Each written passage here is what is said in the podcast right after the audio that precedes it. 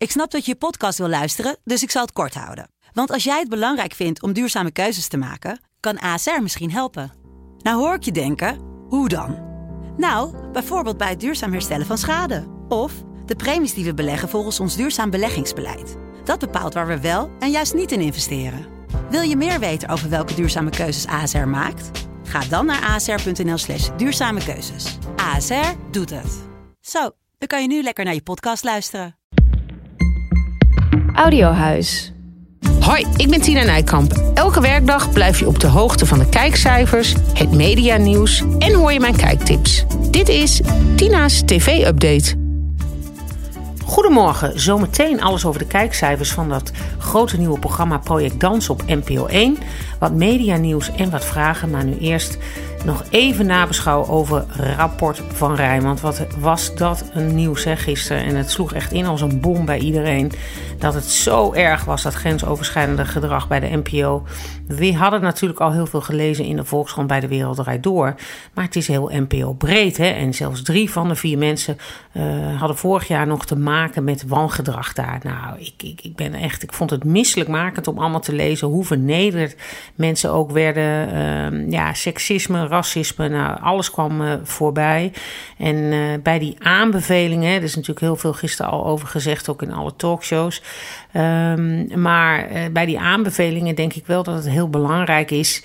Dat heb ik ook in mijn column in de Telegraaf ge gezegd. Dat, um, dat er gewoon wat aan gedaan wordt aan die baantjescarousel. Hè. Het lijkt wel alsof iedereen elkaar ook de handen boven het hoofd houdt. Frederik Leeflang, die gisteren meteen zegt: Nee, ik kan er niks aan doen. Ik ga daar niet over. Iedereen naar elkaar.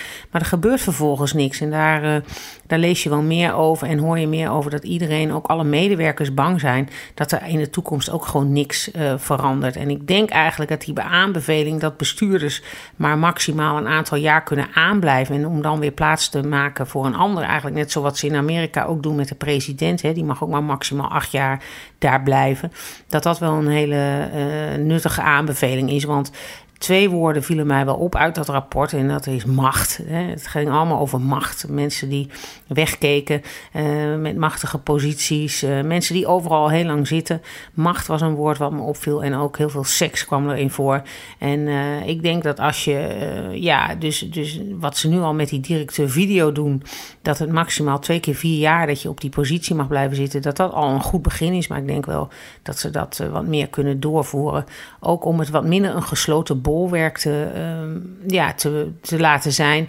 En ook uh, ja, om wat meer invloeden van buitenaf weer eens toe te laten daar. Want ik denk dat dat wel nodig is. Er zitten ook alleen maar mannen. Ja, niet dat dat per se allemaal vrouwen moeten zijn, zeker niet. Maar het is wel al heel lang al ja, hetzelfde gesloten bolwerk. En ik denk dat het tijd is dat er wel echt nu een frisse wind uh, een keer uh, doorheen komt. Maar het nieuws volgt zich ook de hele tijd al op. Dat vind ik ook zo verbazingwekkend. Dus dat rapport was gisteren uitgekomen. Nou, uh, iedereen was daar nog helemaal van in shock. En vervolgens uh, vertelt Suzanne Kunstler in de Volkskrant uh, over Matthijs... dat er ook sprake is geweest bij hem van fysiek en seksueel ja, grensoverschrijdend gedrag. Hè. Een mevrouw die is afgekocht met, een, met 20.000 euro... omdat een affaire die zij had met Matthijs was beëindigd... en zij wilde niet meer bij BNN-Vara werken... Nou, vond ik ook schokkend. En um, ja, ook uh, dat hij dus mensen tegen de muur zou hebben gezet. Nou, hij ontkent dat, dus dat moet er wel bij gezegd worden. Maar ja, ik, het houdt me niet op. En nu lees ik zojuist dat Yvonne Kolderweijer op haar Instagram uh, vertelt ze dat er ook de NRC schijnbaar bezig is met een artikel over de directeur video Remco van Leen. Ook uh, wegens grensoverschrijdend gedrag met uh, ja, nou ja, allemaal hele, hele heftige dingen. Nou, we gaan zien wanneer dat artikel er komt, of dat artikel er komt. Maar nou ja, het, het houdt maar niet op. Het is, een, het, is het is gewoon een hele grote bende daar. Dat is één ding wat zeker is. En ik denk dat we de komende dagen hier nog, uh, ja, nog veel meer over horen. En als het met zo'n snelheid gaat als nu, nou dan, uh, ja, er komt steeds meer boven. Dus uh, steeds meer lijken uit de kast, hè, zoals ze dat dan noemen. Nou goed, we gaan het zien. Um, het is in ieder geval iets wat ook in Nederland heel erg leeft, dit rapport van Rijn. Je zou denken, het is wel heel erg op de media gericht. Hè, voor mediamensen vooral heel erg interessant. Nou, niets is minder waar, want ook bij de kijkers leeft dit heel erg. Er is gisteren heel veel aandacht aan besteed Niet alleen in de journaals en de actualiteitenrubrieken, maar ook in de talkshows. En die hebben eigenlijk allemaal uh, ja, best heel hoog gescoord. Hoger dan normaal. Um, Sophie en Jeroen, met Jeroen, die uh, daar eigenlijk ook de hele uitzending aandacht aan besteden aan het rapport van Rijn, had meer dan 900.000 kijkers. Nou, dat is fors meer dan de dag daarvoor. Toen zat het op 678.000 kijkers. En ook Humberto scoorde uh, heel goed met 625.000 en ook een heel mooi marktaandeel in 25, 54 jaar. Ik zat daar zelf aan tafel. Misschien hebben jullie dat wel gezien, misschien ook niet. Uh, maar daar was, dat was ook een heel interessant gesprek. En op één had ook uh, veel aandacht ervoor. Nou, dat had ook meer dan 500.000 kijkers. Niet echt hoger dan normaal hadden zij. Maar Nieuwsuur wel. En die hadden een interview met Frederik Leeflang. En ook die hadden zo'n 150.000 kijkers meer dan normaal. 516 in totaal. Dus het leeft wel heel erg bij het Nederlands publiek. En uh, ja, dat vind ik opvallend. Uh, hoe, breed dat, die in, ja, hoe breed dat is dat daar uh, ja, zoveel naar gekeken is. Nou, tot zover voor nu het rapport van Rijn en dat grensoverschrijdende gedrag bij die NPO. Waarvan toch, uh, ja, eigenlijk, ja, misselijkmakend en schokkend zijn eigenlijk de twee woorden die er misschien het best bij passen.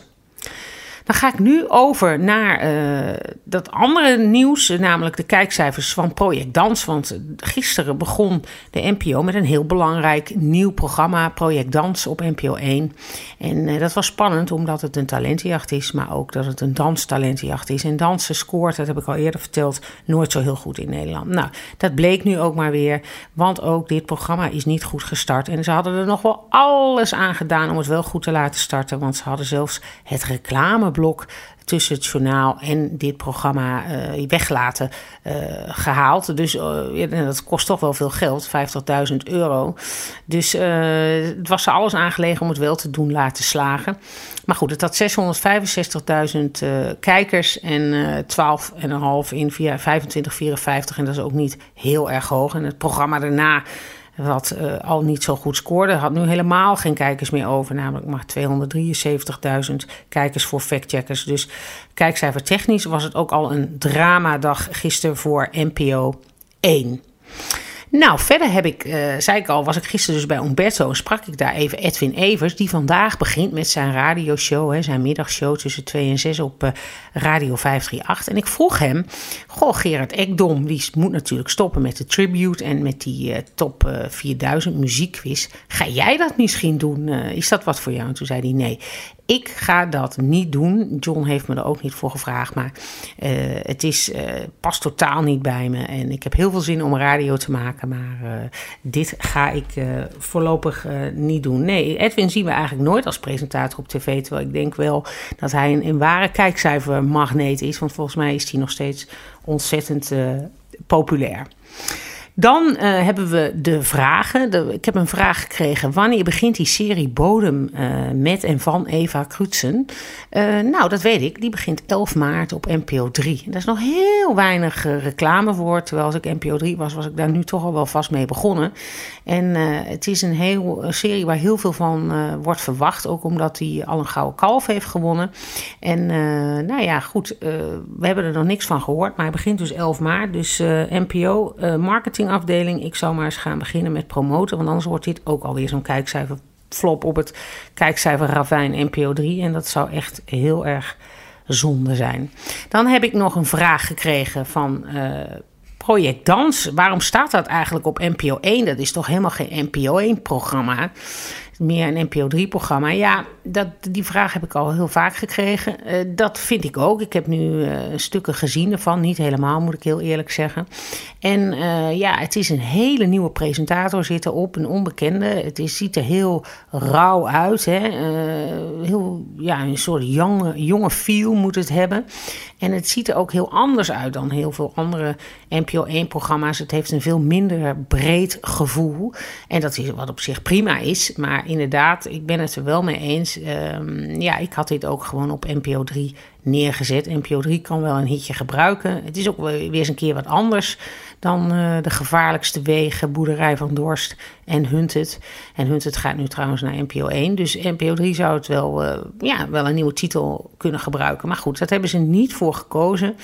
Daar zullen ze nog wel uh, spijt van krijgen. Want ja, nu dus 665.000 kijkers. Maar ik verwacht dat het volgende week wanneer dat reclameblok er natuurlijk wel staat, dat zal wel moeten van de ster, um, dat het nog veel gaat inzakken ook. Dus dat is wel heel spijtig voor de makers en het team die dit programma heeft gemaakt. Dus wat dat betreft, het had gewoon veel beter op NPO 3 gepast. Dan had het gewoon ook nog wel een kans op een hitje geweest. Nou goed, dat was voor vandaag de podcast en voor deze week. Maandag uh, ben ik er weer. Voor nu een heel fijn weekend en uh, tot snel. Dit was Tina's TV-update. Heb jij nou ook een vraag? Stuur me een berichtje via Tina Nijkamp op Instagram. Tot maandag!